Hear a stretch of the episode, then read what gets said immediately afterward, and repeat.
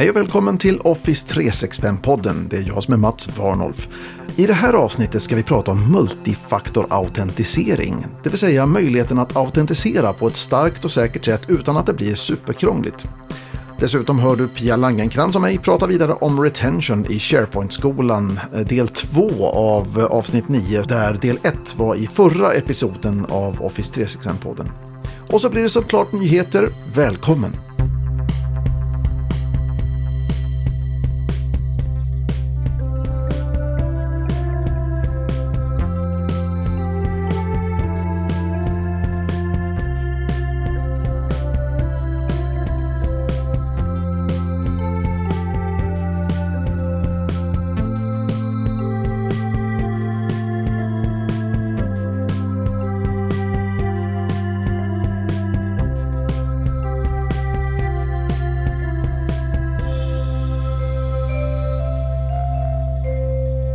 Du räknat efter hur många gånger du autentiserar om dagen?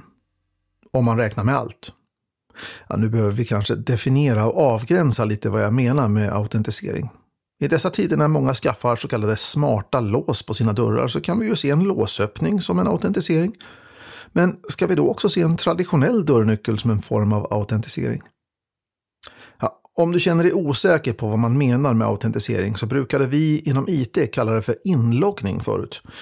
Men om vi ska definiera det tydligare så handlar det om att du bevisar att du är du. Jag är säker på att oavsett vad vi räknar in så är det många gånger som vi autentiserar varje dag. Vi låser upp våra mobiler och surfplattor, våra datorer. Vi autentiserar mot våra molntjänster som Microsoft 365, Instagram och Netflix. Vi autentiserar överallt, hela tiden. Och om du inte tycker att du autentiserar till exempel mot Netflix så är det för att dina enheter autentiserar åt dig. Och den vanligaste metoden för autentisering är fortfarande lösenord. Jag vill minnas att jag tyckte att det kändes lite coolt när jag var liten. Det gav en är av exklusivitet att kunna ett hemligt lösenord. Den romantiken har gått förlorad sedan dess. Jag har så många lösenord nu att jag kan inte komma ihåg dem utan att använda en app på min mobil där jag kan lagra dem.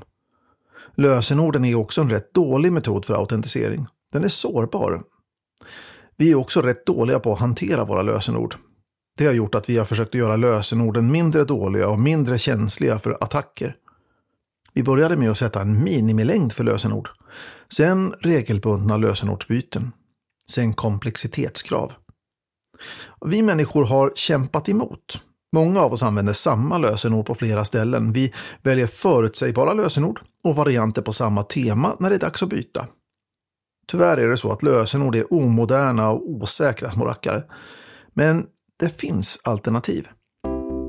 Det mest intressanta alternativet just nu kallas för flerfaktorinloggning, också känt som multifaktorautentisering eller MFA. Det betyder att vi har minst två sätt att styrka vårt påstående om vem vi är. Exempel på de här faktorerna som de kallas kan vara något du har, något du vet och biometri, eller som en del uttrycker det, någonting du är. Genom att kombinera de här så kan vi faktiskt öka säkerhetsgraden i våra inloggningar rätt så mycket. Själva tanken runt MFA är att ingen enskild metod eller faktor för att bevisa din identitet är perfekt. Alla har svagheter. Men när vi stärker upp skyddet genom att kombinera med ytterligare en faktor så blir säkerheten starkare än summan av de ingående delarna. Den där saken du vet, ditt lösenord, kan en angripare kanske lösa med hjälp av phishing, där du blir lurad att avslöja dina inloggningsuppgifter, eller genom att helt enkelt gissa. Den där saken du har, till exempel din mobiltelefon, kan kanske nyttjas i ett obevakat ögonblick. Men när angriparen tvingas kombinera de här, ja då har vi höjt ribban ordentligt. Biometri kändes lite coolt när jag var yngre. Kanske lite James Bond på något sätt, att använda fingeravtrycket för att styrka vem jag är. Idag har vi många biometriska metoder. Fingeravtryck och ansiktsigenkänning är de vanligaste. Den vanligaste missuppfattningen människor jag möter har är att mitt fingeravtryck lagras hos Microsoft på något vis. Dina biometriska data lagras bara på din enhet och på varje enhet för sig och de lämnar aldrig enheten. Du registrerar individuellt på respektive enhet. I verkligheten används inte ens din biometri för att bevisa vem du är direkt. Din enhet har som ett låst nyckelskåp med det som egentligen loggar in dig i enheten eller molntjänsten. Och din biometri krävs för att öppna det nyckelskåpet. Så biometri är ett starkt och bekvämt sätt att autentisera. Men i verkligheten händer det fler saker under huven, så att säga. Men det finns andra saker som ger James Bond-känsla. Och man kan alltid undra vad det är som ger den där känslan. Kanske är det när jag växte upp, när jag såg de där filmerna med Connery och Moore, så var de där grejerna lite science fiction. Det hörde till framtiden på något sätt. Och nu lever jag på något vis i den där framtiden och det väcker ett eko, en resonans från en tid när jag var ung och framtiden var cool. En annan sån här grej som känns hämtad ur en agentthriller är säkerhetsnycklar, till exempel en YubiKey. De fanns absolut inte i någon James Bond-film, men det är mer den futuristiska känslan jag känner när jag tänker på en USB-dongel som kan autentisera mig. Eller för den delen den trådlösa NFC-funktionen, närfältskommunikationen, som finns i samma nyckel och som gör samma sak. Håll nyckeln i närheten av mobiltelefonen för att logga in i Teams liksom. De där nycklarna kostar typiskt under tusenlappen och kan användas för lösenordslös autentisering mot en massa enheter och tjänster. Biometri och säkerhetsnycklar ger en enkel och stark autentisering. Rent tekniskt så tillfredsställer en säkerhetsnyckel enligt standarden FIDO2 kraven på en flerfaktorlösning, men det är ju inte så vi tänker oss en flerfaktorautentisering. För det krävdes ju minst en sak till egentligen. Och det som gör pusslet komplett är just en MFA-tjänst. Det finns många sådana på marknaden. De fungerar på liknande sätt och därför tänker jag välja ut en av dem, den som jag kan bäst för att förklara tekniken. Microsofts MFA. Microsofts flerfaktorautentisering har stöd för flera metoder för att styrka din identitet. För att använda någon av dem krävs att du har registrerat ditt konto för MFA. Där kan du välja vilka metoder av de som din organisation då tillåter som du ska kunna använda för att styrka din identitet. Du kan välja att bli uppringd på ett telefonnummer som du anger vid registreringen.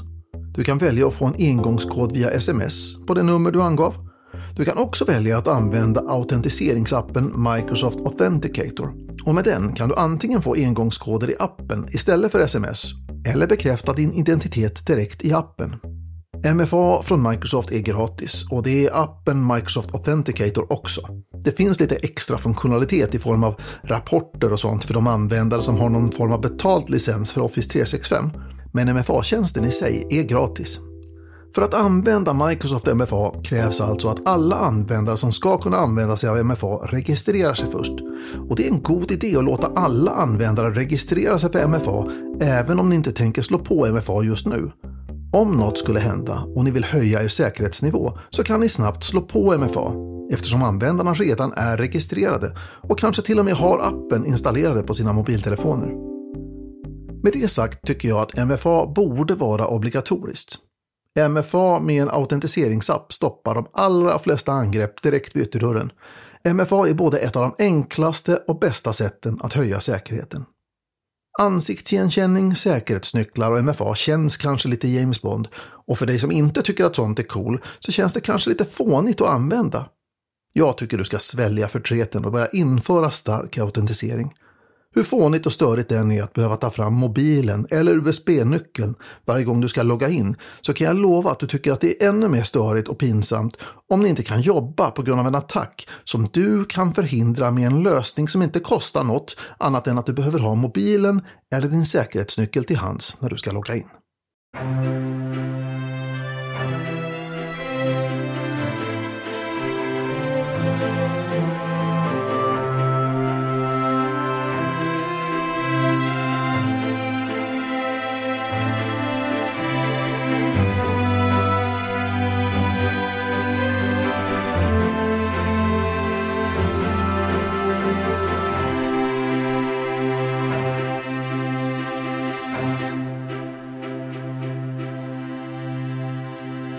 I förra episoden av podden så hade vi del 1 av SharePoint-skolan avsnitt 9. Och då pratade jag och Pia Langenkrans om retention. Då sa hon bland annat så här.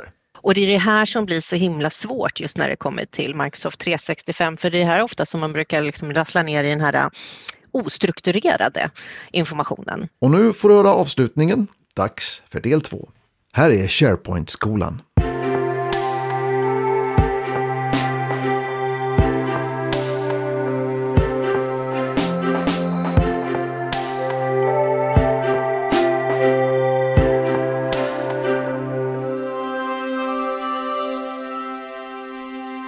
Förr i tiden, i, i baktiden som mina barn en gång kallade det för, eh, så var det bara att man, man tog bort eh, behörigheterna från en SharePoint-sajt innan vi hade Teams. Eh, man tog bort behörigheterna och man lade, hade man lite bättre strukturordning så flyttade man den här site collection till en annan liksom, farm. Eh, ja, det här är ju liksom långt borta. Eh, men, och då tyckte man så här, men nu har vi arkiverat, nu vi, vi på IT, vi kan klappa oss på axeln och säga så här, men vi har arkiverat den här sajten. Du är säker om du behöver hitta den här informationen igen. Det är bara att säga till. Eh, och, och vad är problemet med det då? Jo, behörigheten är borta. Så hur sjuttsingen ska verksamheten veta att det finns någonting arkiverat som jag kan bygga vidare på? Eh, och eftersom vi inte definierade det här på något sätt, om det tillhörde då offertprocessen, om vi vann den där affären eller inte, eller om det var några strategiska saker där som liksom, det här ska vi lära oss bättre ifrån eller vad det nu var. Vi, vi vet inte, det, det, finns inte utan det finns, liksom, det finns ett namn på en SharePoint-sajt som ligger på en annan farm. Eh, och sen då så lägger man på en kalender på det där och snurrar fram det där tre, fyra år. Mm. Ja, vad har hänt då? Jo, man har uppgraderat sin SharePoint eh, och man kanske till och med har gått över till molnet. Um, och då blir det så här, ja, hur ska vi få plocka upp det här nu då? Ja, för att du ska snurra upp det där eftersom det inte är information utan det är faktiskt behållaren, en SharePoint-sajt. Oh, nu ska vi se här, vad, om vi nu ska tänka tillsammans du och jag. Ja. Eh, hur skulle vi göra idag med SharePoint online för att dra, dra tillbaka, nu tar vi från tårna, en SharePoint 2003 arkiverad sajt. Var börjar oh. vi någonstans? Ja, eller hur? Nu, det, det, ja. nu fick jag så hjärtklappning bara när du sa så. Eh, mm, för jag ja, vet men, hur mycket är, jobb vi pratar om nu. Mm, för det är ju det, nummer ett, vi måste skaffa en Azure eh, server, Windows server. På den så ska vi eh, lägga på en SharePoint server som är då version 2003. Mm. Och vad fan hittar man en licens till det? Ja, det, det, kanske finns på IT-avdelningen, om perm någonstans, så du kan hitta någonting. Sen är det frågan om det, om det ens kunde gå att installera där, för det, du kanske till och med har det på en CD-skiva. Ja, sen kan det ju dessutom vara så här att eh, eh, den versionen av SharePoint supportas inte på en supportad version av Windows i Azure. Nej. Så det kan ju handla om att vi helt enkelt måste ringa till liksom en hårdvaruleverantör och beställa en fysisk server. Eh, mm. Som vi kan ta fram och gräva i, i våra arkiv, våra CD-arkiv efter någon gammal Windows-server 2008 eller något sånt där då. Och sen så in då med, mm. med någon gammal SharePoint-historia och så vidare då. Så det, ja, Precis. det är och, mycket jobb. Mm, och vilken patchnivå ska vi ha på det här operativsystemet och SharePoint-installationen? Och hur får vi tag på de här patcherna? Jag ser ju du börjar svettas Bara nu. innan vi får upp den här farmen så, är, så, så mm. man kan säga att dagarna har gått lite. Dagarna har gått lite och det här kostar ju licenspengar eh, och inte bara liksom i liksom att anställa en person liksom, eller ta in en SharePoint-människa som ska göra det här. Och för att du ska hitta någon SharePoint-människa som kommer ihåg hur det såg ut 2003 liksom, och som dessutom jag har den eh, som låg självrespekt att de faktiskt tar det här uppdraget liksom, som är vad, vad vi definierar i branschen en bajsmacka. Mm. Så, jag älskar den tekniska termen där. ja, nej, men det, det, är det, det, är det, det är det som vi säger på andra sidan när vi lagt på luren och bara åh, och, ja, så. Men då har vi i alla fall, nu, nu har vi kommit till tekniken. Jajamensan. Nu kommer nästa utmaning. Nu ska vi alltså göra en restore på den här arkiverade SharePoint-sajten. Eh, och SharePoint är ju två stycken databaser. Det är en databas för uppsättningen av sajten och en databas som är för innehållet av sajten. Det, det är så här liksom, det funkar bakom spakarna. Ehm, och då behöver du ha inte bara backup för den här innehållet, det vill säga då den här bid-historien, liksom, utan du behöver också ha då den här korrekta backupen på eh, strukturen.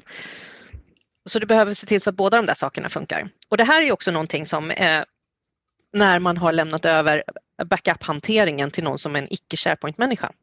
När det är då en servermänniska eller en SQL-människa för att de här databaserna ligger i Microsoft SQL. Det ligger, gör det fortfarande och det har det alltid gjort.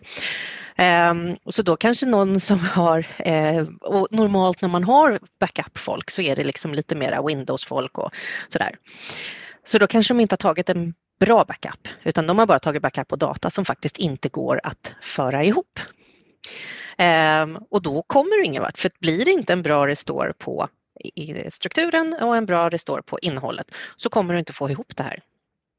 Så... Men om vi säger nu att allt, ja, vad skulle du säga? Nej, jag skulle bara säga så här, det är liksom, det är, vad, vi, vad, vi, vad vi hamnade i det här läget, om vi ska göra long story short, är ju att vi öppnar en burk med ren smärta när vi ska försöka återställa någon gammal mhm. backup från någon SharePoint-sajt från 2000 frös ihjäl.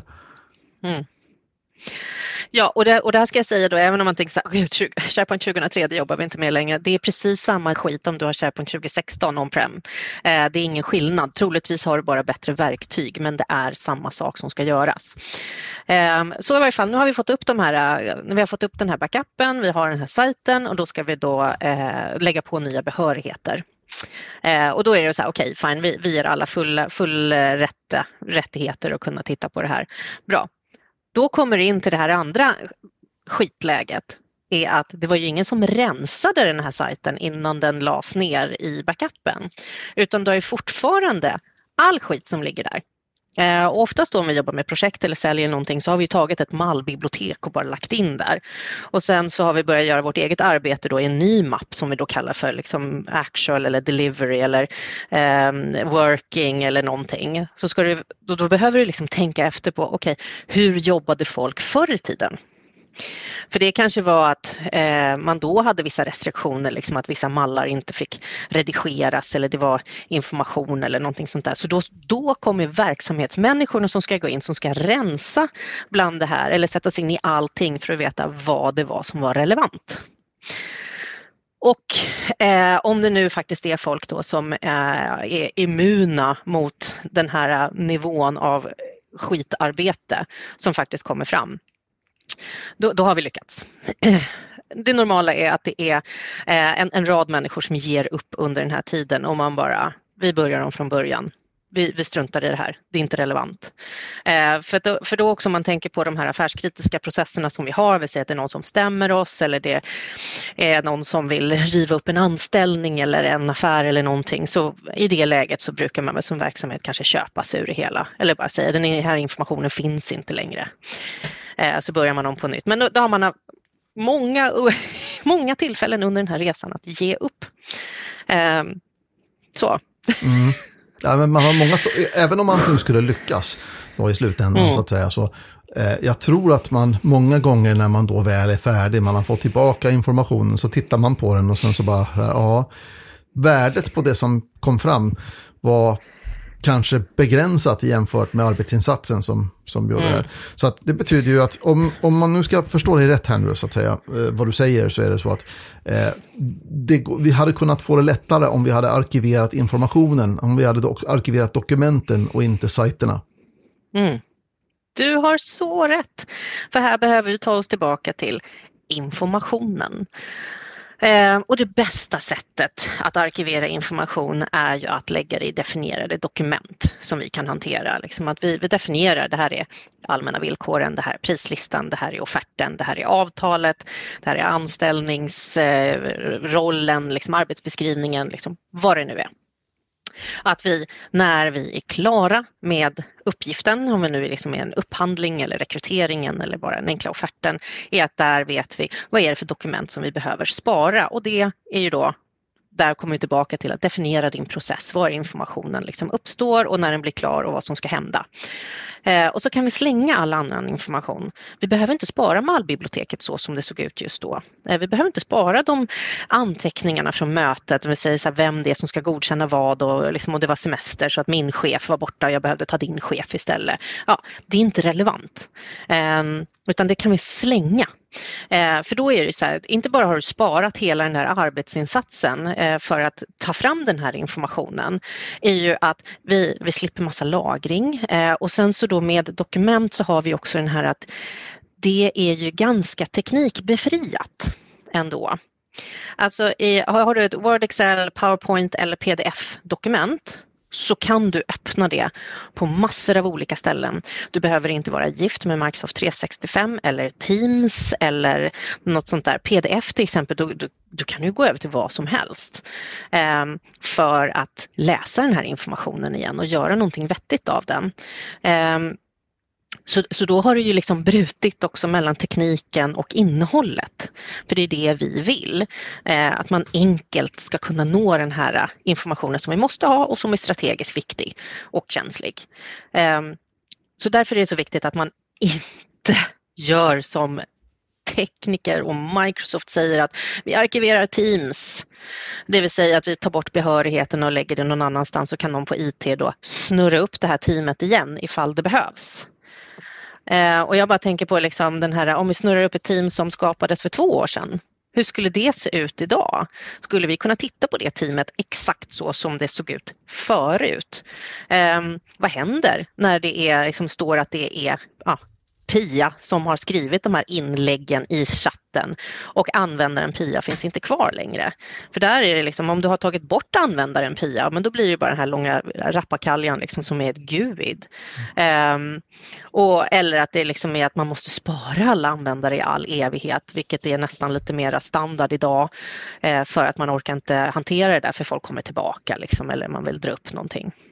Nej, arkivera inte tekniskt, arkivera Nej. informationsmässigt. Det är mycket, Så, mycket smartare. Oh. Men det, det, kräver också en annan sak. Eh, därför att mm. eh, jag vet ju en av de vanligaste missuppfattningarna som jag stöter på när man jobbar med Teams och Teams-införande, det är att användarna tror att allting som jag ligger i Teams förvaras i Teams. Eh, mm. Och det är ju enkelt för oss då, bara liksom, till att börja med att veta liksom hur arkitekturen ser ut bakom Teams. Men vad jag pratar om just nu är ju alla tredjepartsappar som man kan lägga till och så vidare. Då. Så när man säger att man ja. arkiverar ett team så kan vi faktiskt bara få arkiv på de sakerna som lagras i Microsoft 365-infrastrukturen. Så att mm. om jag nu har lagt till Slack som en flik i mm. Teams så säga, och jag väljer att arkivera teamet så inte 17 finns den informationen från Slack kvar i det arkivet. Mm eh, utan det är verkligen så att det är, det är separata saker. Så det är ju också mm. någonting som man måste vara medveten om. Och om vi istället då tänker på just det här att vi ska arkivera informationen, då blir det mer intressant att klura ut och vart finns den här informationen någonstans just nu mm. och i vilket format och vem, vart, vart har den landat någonstans. Och det här kan ju låta som att jag är negativ till att man bygger ut Teams med tredjepartsappar och sånt där. Det är jag inte alls det. Jag tycker att det är fantastiskt. Det är ett öppet interface och det går liksom att göra Teams så att det verkligen stöttar verksamheten. Men man får komma ihåg att Teams i primärt sett är ett användargränssnitt mot en massa andra saker. Mm. Ja, men du har så rätt, du har så himla rätt. Och det är ju också så här att när man tittar liksom på en kartläggning av vilka system som ett företag använder. Eh, om man frågar Microsoft så använder de ju bara Microsoft och sen så sånt som folk inte får använda. Eh, det är deras glasögon till världen. Medan vi som faktiskt sitter i verkligheten vet ju att det här är ju ett av många och så är det Slack och så är det SAP och så är det liksom ett rekryteringssystem och så är det ett ekonomisystem och så är det där. HR-system och you name it, ja. Ja, it never ends. Alltså det är väl ganska normalt att det finns mellan 300 och 400 olika system på ett företag med eh, några tusen användare. Så, så därför är det precis som du säger, Teams är ett gränssnitt och man lägger upp alla sina flikar till någonting annat. Så att där då om du sitter som en, nu ska jag liksom säga dum inom citationstecken, eh, ni, det är inte dumma användare som inte förstår arkitekturen, men om vi, vi som är på insidan som förstår arkitekturen så kan det ibland vara så här, ja, men du fattar inte. Eh, och det är också det lite grann i designen, att du ska inte behöva fatta för att kunna använda det här. Men därför är det så himla viktigt att man backar till sin process och bara, ja, när den här processen är över, vilken information ska vi spara? Mm. Eh, och, och också ha på sig de här glasögonen att om vi behöver dra upp den här informationen om tre år, fem år, femton år, vad är det vi ska kunna se då? Mm. Eh, och att man då liksom ser till att man sparar den informationen på rätt sätt. Mm. Ehm, jag brukar oftast jobba, börja jobba med kunder med projektprocessen, eh, för den är, eller projekt, ja, jo, man kan säga projektprocessen, även om det egentligen är ett oxymoron, alltså antingen är det projekt eller så är det en process, men ja, vi, vi struntar i det. Att man där i faktiskt definierar på, för där har vi en definition på vad styrande dokument är. Vi har en definition på vad en projektledare är, en projektmedlem och stakeholders. Um, och vi har alla de här olika faserna för då har, finns det en projektmetod som vi använder. Även om den är mest enkel, man har uppstart, genomförande och avslut, så finns det där att någonting att hänga upp det på. Att man där då har liksom alla styrgruppsdokument, eh, alla beslutande dokument, de ska vi spara i 15 år. Ehm, sen när projektet är slut så ska projektledaren göra en projektrapport där det finns med det som är relevant. Eh, och sen så när projektet är slut så ska vi slänga alla mötesanteckningar för projektmöten, alla såna här så här går det till när du ska tidrapportera till det här projektet, helt irrelevant. Det är bara att slänga. För det här projektets resultat så är det inte relevant. Så allt det där ska slängas och så ska det liksom packas ihop då, liksom att det här ska vi göra till pdf är det bästa, men eh, all vanliga Word-format eller vanliga liksom Office-format och andra format fungerar ju bra så länge du kan läsa det då om 3, 5, 15 år. Eh, pdf-A är ju det som eh, offentliga verksamheten har lutat sig mot så därför kommer det vara så att det kommer att finnas ett stöd för det framåt. Mm. Eh, och sen så slänger man resten. Och då är liksom, har man de verksamhetsögonen på sig och säger så här, okej, okay, eh, den här slaktdiskussionen som vi hade, var den viktig? Eh, oftast inte, men helt plötsligt så var det en slaktdiskussion som faktiskt var ett, eh, eh, som slutade i ett beslut att ja, men det här var anledningen varför vi valde en annan teknik eller det här var anledningen varför eh, vi valde att lägga ner. Och då är det ju projektledarens ansvar att dokumentera det i projektrapporten. Och då kanske kunna plocka ner att ja, men i samråd med arkitekt och stakeholders i ett referensgruppsmöte, liksom, kanske till och med det här datumet kom vi fram till att på grund av de utmaningarna med mobila devices så tog vi det här beslutet och gjorde det. Mm. Fine, spara det. Mm. Så det, ska vi spara hela slaktdiskussionen med allting? Sannolikt inte, nej. Nej tack, nej tack. mm. Nej, men, och, och, och det här är ju någonting så att vi, vi klarar av att tänka på det här liksom i, i säljprocess och i projektprocess för det är oftast någon av oss som har nuddat dem. Men vi behöver få in det här på alla våra kärnprocesser i hela företaget. Alla ordinarie verksamhetsprocesser ju. Mm, precis. Och där brukar jag liksom, folk börja svettas när jag säger det här för att det är det här ofta som är skillnaden mellan man har företag som är halvautomatiserade och sådana som bara jobbar med brandsläckning är att när man jobbar med brandsläckning så har man inte klarat av, eh, av olika anledningar, jag säger inte att det är liksom så fel eller dåligt utan ja, men det är budget, eh, omorganisationer, eh, yttre påverkan liksom som gör så att man inte hinner jobba med strukturarbetet för informationen. Men när det har gått så långt att man har tappat alla de här informationsramarna och liksom arkitekturen i den här och en grundläggande förståelse för hur vi jobbar som företag, då, då, då är man i brandsläckningsläge. Chefen klarar inte av att ta semester. Ehm, jag i min roll som säger, rekryterare eller säljare eller vad det nu är, jag, jag, vet inte vad jag ska göra utan jag måste hela tiden ta ett intelligent beslut baserat på den informationen som jag har framför mig. Jag har inget stöd ehm, och styrningen kommer de facto från en, en, en chef med puls och hjärta och ryggrad förhoppningsvis ehm, som kan guida mig i det här. Eh, och då blir det ju så att då, då, då, går, och det går inte att automatisera. För det är många som kommer till mig och säkert till dig också som är så här, oh, det är så rörigt, jag vill bara automatisera det här för människor är så himla jobbiga. Alla gör bara fel. Bara, jag kan tyvärr inte automatisera det. Först måste vi göra så att människor gör rätt. Sen kan jag automatisera det.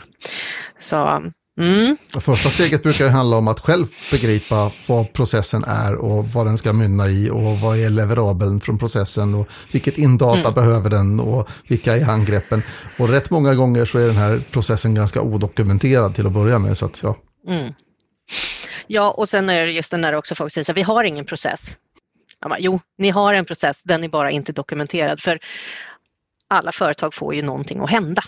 Men det är ju då liksom för, för att liksom bara föra tillbaka det här till liksom tekniken, för nu har vi pratat jättemycket om verksamheten. Och det är ju så här, när verksamheten har gjort så här, det här är vår process, bra, då vet vi, vi på tekniksidan kan sätta upp eh, en sajt, ett team eller SharePoint-sajt beroende på dina behov. Du ska inte behöva bestämma vad du har för tekniska behov i verksamheten utan du säger så att du tar ansvar för dina behov och sen så går du till en teknisk människa som tar ansvar för de tekniska kraven för att möta dina behov.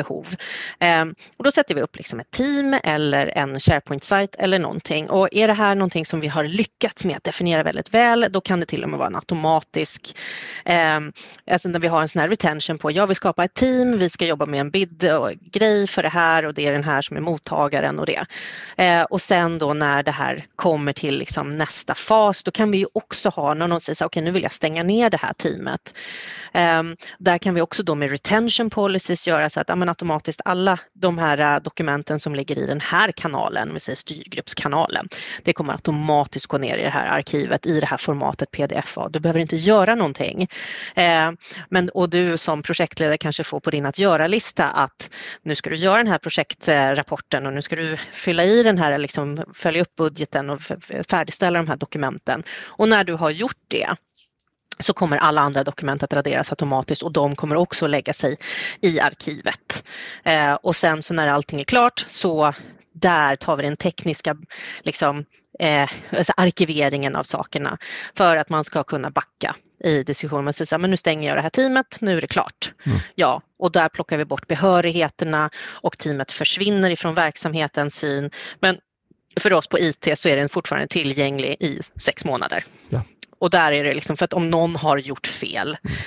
Um, för här är det ju också liksom i den här mänskliga faktorn i att vi har en projektledare som, nej men du, vi, eller, eller man, man gjorde ett paus i projektet istället. Liksom, att man, okay, det är inte avslutat och de har satt på paus. Och det blir så här, ja men då vill vi plocka upp det igen om ett tag. Mm. Så där, där är det viktigt att ha den tekniska arkiveringen av det hela men informationsarkiveringen gått på ett annat sätt. Ja.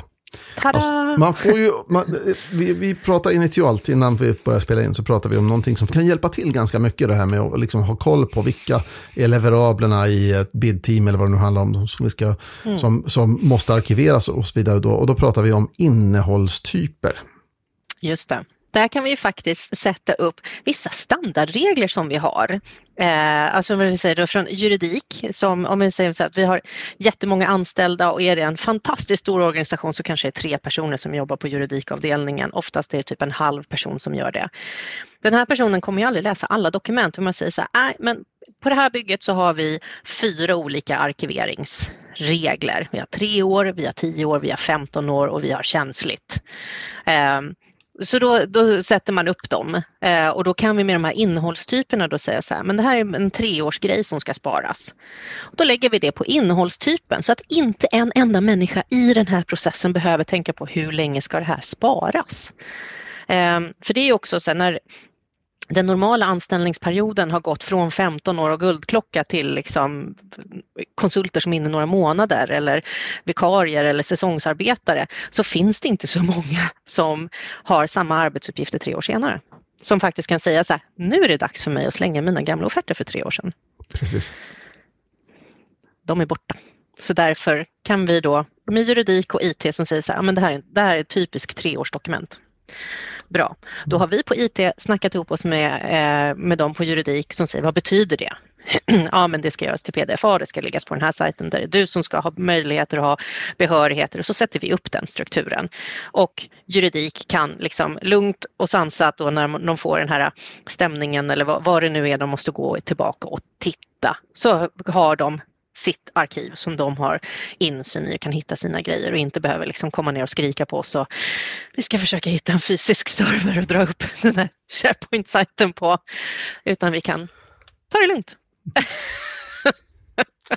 Nej, men, men visst är det så. Och, och i och med att vi har det här så att säga, då har vi ju verkligen fått det här att, att eh, vi på IT och, och juridiken så att säga då, vi kan ta bort de här arbetsmomenten som handlar om, om arkivering och bevarande och så vidare då, så att det inte längre blir ett ansvarsområde för den individuella säljaren att se till att informationen bevaras och så vidare då, utan vi tar hand om det om vi, vi sätter upp eh, den här infrastrukturen, det här regelverket sätter vi upp i bakgrunden och det enda som vi kräver för att det här ska funka sen är ju att man håller sig till sina mallar och att man arbetar i sina etablerade processer och att man gör så som det är tänkt att man ska göra.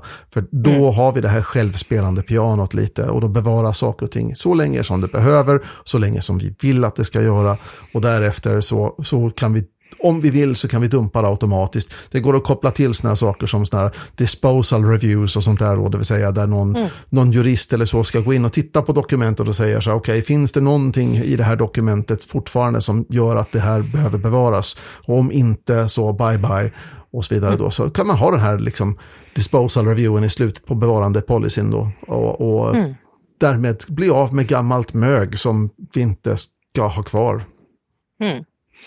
Ja, och jag menar, och nu har vi pratat om liksom, eh, viktiga juridiska saker. Men om man tänker på att vad är det man i det läget som eh, verksamhet kanske vill spara tio år senare?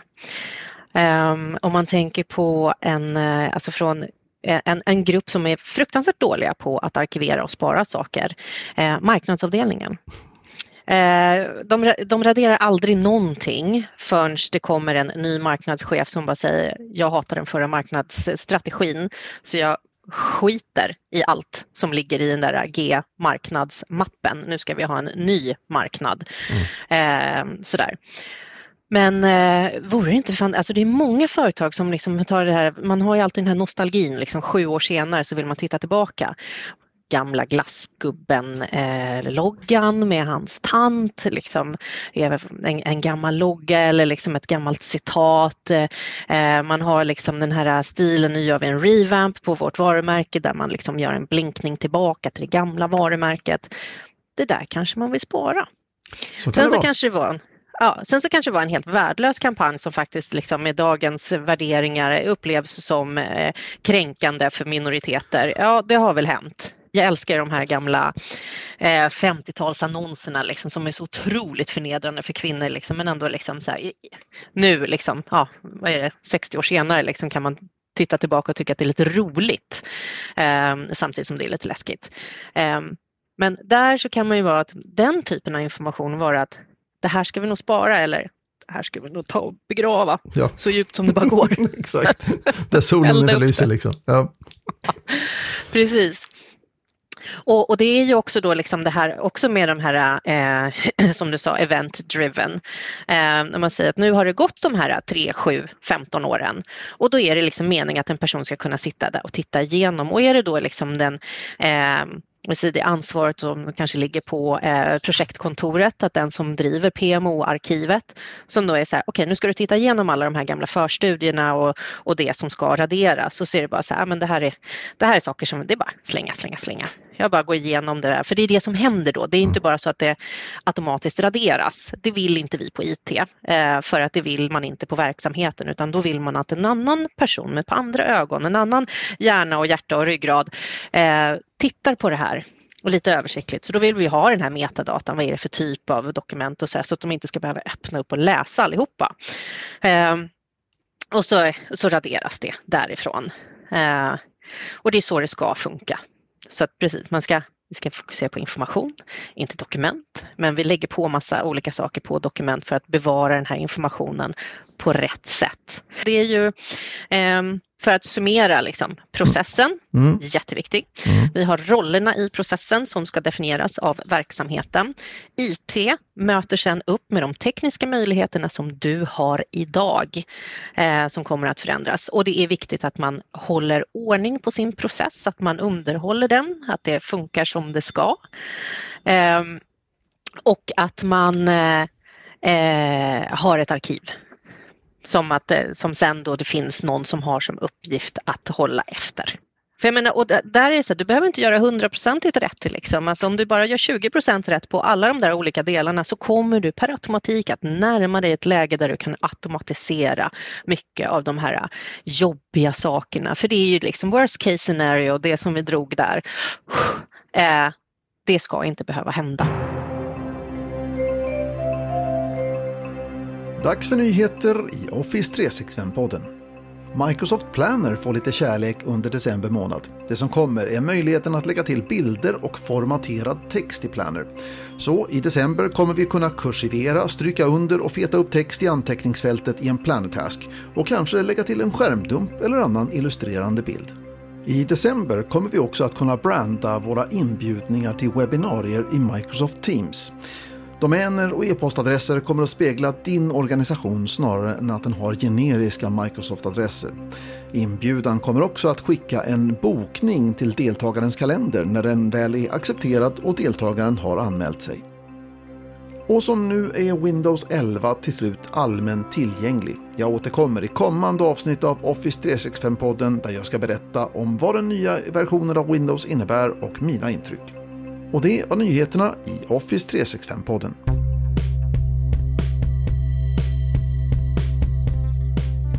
Och det var allt för Office 365-podden för den här gången.